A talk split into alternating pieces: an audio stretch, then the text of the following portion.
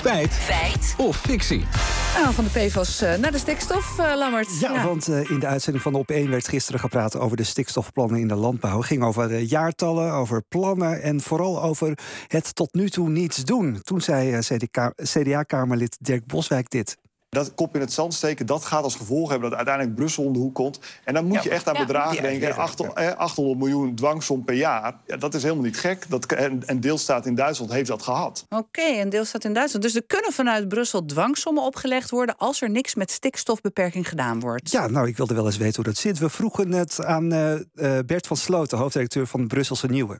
Ja, Brussel kan dwangsommen uitdelen. Dat heet een zogenaamde inbreukprocedure. Als je je niet aan de Europese regels houdt, dan kan Brussel gewoon een boete opleggen. Het gaat niet vanzelf, maar het kan wel. Oké, maar goed, Boswijk had het over een Duitse deelstaat. Hè? Is stikstof dan echt zo'n groot issue daar? Ja, daarvoor belden we uh, Hanko Jurgens. Hij is wetenschappelijk medewerker van het Duitsland Instituut stikstof is een probleem in Duitsland en uh, daar wordt ook echt aan gewerkt. Maar het is absoluut niet zo'n hot topic als in Nederland. Dus ik verbaas me daar ook een beetje over. In Nederland lijkt het alsof de hele economie plat komt te liggen.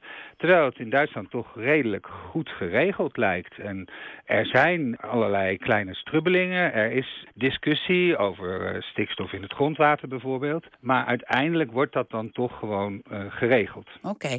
Kan Nederland dan ook zo'n hoge dwangsom opgelegd krijgen? Ja, we vroegen Bert van Sloten of inderdaad een Nederlandse provincie bijvoorbeeld ook een dwangsom door Brussel opgelegd kan krijgen als het helemaal niks aan stikstof doet. Dat lijkt mij sterk dat het Nederlandse provincies zijn, maar Nederland als land natuurlijk wel.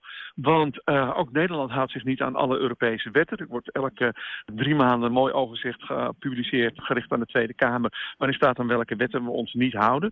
Maar Nederland zit volgens mij net iets anders in elkaar, waarbij Nederland als land wel degelijk ook een boete kan krijgen. Nou heeft Dirk Boswijk het over één Duitse deelstaat. Ja, nou dat vroegen we aan Jurgens. Welke deelstaat zou dat nou kunnen zijn? Dat is dus eigenlijk wel interessant. Het is een probleem wat in heel Duitsland speelt. Althans, als je het bijvoorbeeld hebt over het nitraatgehalte in het grondwater.